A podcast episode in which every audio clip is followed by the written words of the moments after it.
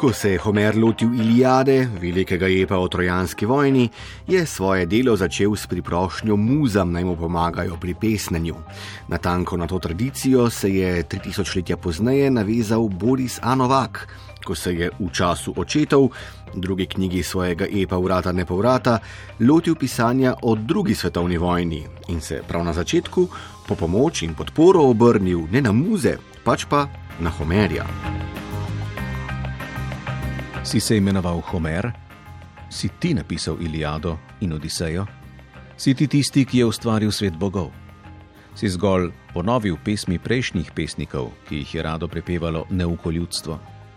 Si prevzel prastaro snov in jo pregnetel kot lončar gibljivo glino? Si bil zraven, ko je silak Ahil zaklal junaka Hektorja, kot bi bil vol? Ali je bil takrat pod trojo tvoj praoče?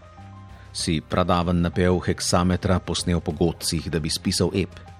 Si, si ta ritem sam izmislil, je tvoj glas donev skozi javen trg ali si ga dal le kraljem. Si bil pismen, si bil slep, si sploh obstajal. Kakorkoli že, tri tisoč let pozneje sem sinu pripovedoval te tvoje zgodbe in njegov lep pogled je potoval čez morja in planine, čez vse meje do daljne troje. Tudi sam te potrebujem, klej poskušam napisati spev sprave med sovražniki, a me zaveje sovraštvo zmeraj znova. Hočem razumeti in poslušam, kako človeško je prijemu Ahil izročil truplo sina. Pomagaj mi, Homer, ti prvi pesnik in brezdanja duša, da položim te kitice na grob pozabe in spomina. Kakor smo iz slišanega odlomka lahko razbrali, hoče Novak v času očetov pisati o slovenski izkušnji druge svetovne vojne. Pisati hoče zoper zgodovinsko pozabo in za narodno spravo.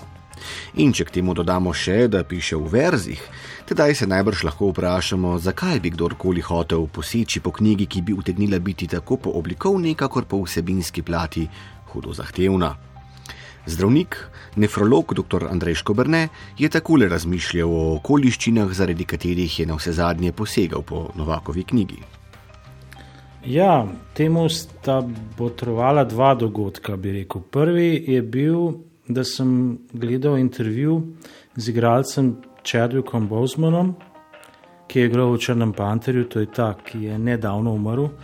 Eh, in v tem intervjuju je on razlagal, kaj njemu film Črni panter pomeni.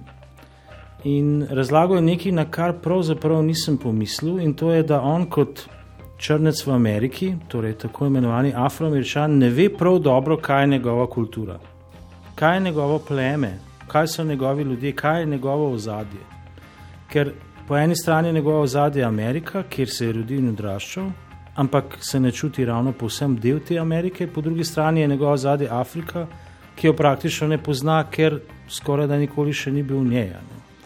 In takrat sem prvič se zavedal, da je to resnično velik problem, ker človek kot socialno bitje si želi in ima potrebo pripadati nečemu, hočeš nočeš v bistvu. Ne. Ma potrebo razumeti svoje zadje, eh, biti del nečesa več. Takrat sem se zavedal, da mi kot slovenci, nekako, ali pa vsaj jaz kot slovenec, nimam tega problema. Ne zdi se mi, da ne razumem, čemu pripadam.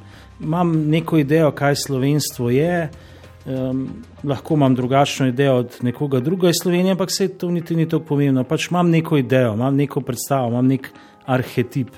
In gotovo sem, da ta arhetip sem pravzaprav v največji meri podedval iz literature. Pravzaprav nekako v osnovni šoli so mi preširen, cankar in boj na požiralniku dal neko ozadje, kaj ne bi to bilo, da si slovenec. Hočeš, nočeš, lahko se strinjaš s tem, lahko ne, to ni važno, ampak razumeš, odkje prihajaš. Ne? Drug dogodek, ki je bil povezan s tem, je bil pa pravzaprav en dogodek, kjer je avtor sam, Boris Anovak, torej razlagal o tem epu, bil je povabljen, da govori o tem epu in je potem govoril seveda o tem epu in čital iz njega in nekako se mi je zdelo, da je bil njegov namen, torej namen epa ravno nekako tudi to, ne? se pravi govoriti o tem, tematizirati o tem, kaj slovenci smo, v konkretno v tem primeru epa, kaj smo slovenci sredi druge svetovne vojne in zato sem ga poskusil. Ne? Novaka torej zanima vprašanje druge svetovne vojne na slovenskem. Kakšna pa je pravzaprav konkretna zgodba, s pomočjo katere se lotevati velike teme?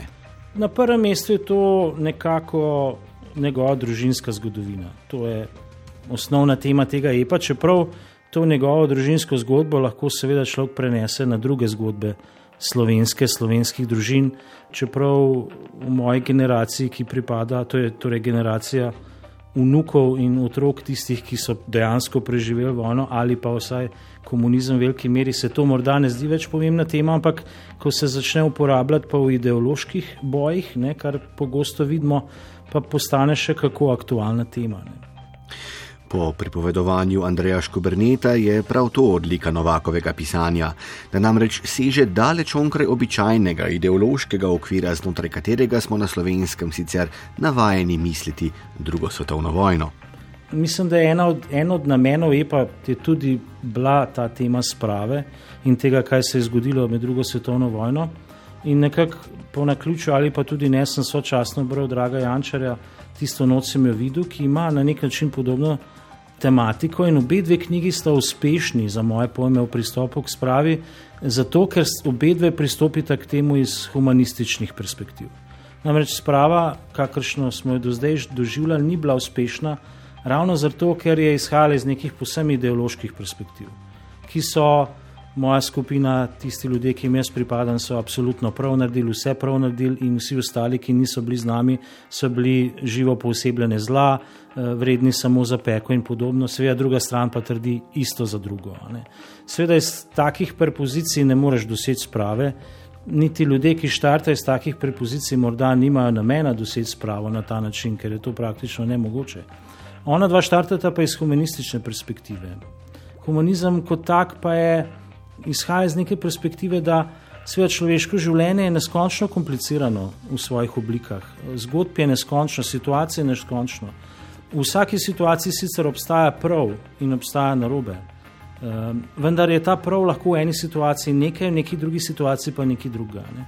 In humanizem izhaja iz te perspektive, kot ga jaz razumem, da plemenitost življenja človeškega je v tem, da to razumeš, to širino življenja, širino človeškega doživljanja in da se skušaš razvozlati, kaj je prav v danem trenutku. Ne. To je nekako ravno obratno od enoumja. Ne. In ona dva v bistvu pristopata prav na ta način ne. in naredita seveda zadevo dosti manj črno-belo, dosti bolj človeško, dosti bolj kompleksno, kot je v resnici verjetno bila. Ne. In izhajate iz tega, da ja, nekdo je bil med domobranci, ampak ta nekdo je 18-letni fant, ki je tja stopil, boh ve v kakšnih okoliščinah, ali pod prisilo, ali ker ga je nekdo prepričal, ali iz prepričanja, ki je bilo drugačno, kot se je na koncu izkazalo prepričanje te skupine, in obratno. Nekdo je stopil med partizane iz prepričanj, ki so bila drugačna od prepričanja partije ali iz potrebe, ker je mogel zbežati v hostel, ker ni hotel, da ga Nemci mobilizirajo. Skaka, variant je bilo neskončno na nek način. Ne? Zdaj, ko pristopiš iz te perspektive, moraš razumeti, da ne moreš vsega skupaj, bom rekel, spraviti na dve barvi, črno in belo. Mislim, to ni tisto, kar se je v resnici zgodilo. Vojna ne funkcionira na ta način. V vojni obstaja črno-bela barva samo v glavah voditeljev, potem pa mladi fanti umirajo v nekih čist drugačnih situacijah. In prav zato, ker je čas očetov podložen z neomajnim humanizmom, Andrej Škobrne Novakov ep priporoča branje prav vsem, ki jih zanima tema druge svetovne vojne. Če nekoga zanima tema druge svetovne vojne in vseh bolečih stvari, ki so se takrat zgodile, bi najbolje storil, če prebere tako ep od Borisa Novaka kot knjigo Tisto noč sem videl, draga Jančarja. Kaj ti? Na vides oba dva izhajata iz dveh različnih perspektiv, saj vsi vemo, da oba dva na nek način sta politično profilirana oziroma sta imela različne osebne izkušnje, če nič drugače v tistem času in v sistemu komunizma, ampak na koncu se oba dva srečata na povsem istem polju, na polju, kjer v bistvu je življenje kompleksno in ker če želimo k temu pristopiti na nek razumljiv razumen, bi rekel, humanističen način, pridemo v bistvu do istih zaključkov. Vsaj meni se je zdelo, da sta oba prišla na nek način do istih zaključkov. Če ona dva prijeta do istih zaključkov, verjetno nekaj mora na teh zaključkih biti pravilnega, no, si predstavljam. Tako da vsekakor to toplo priporočam. No.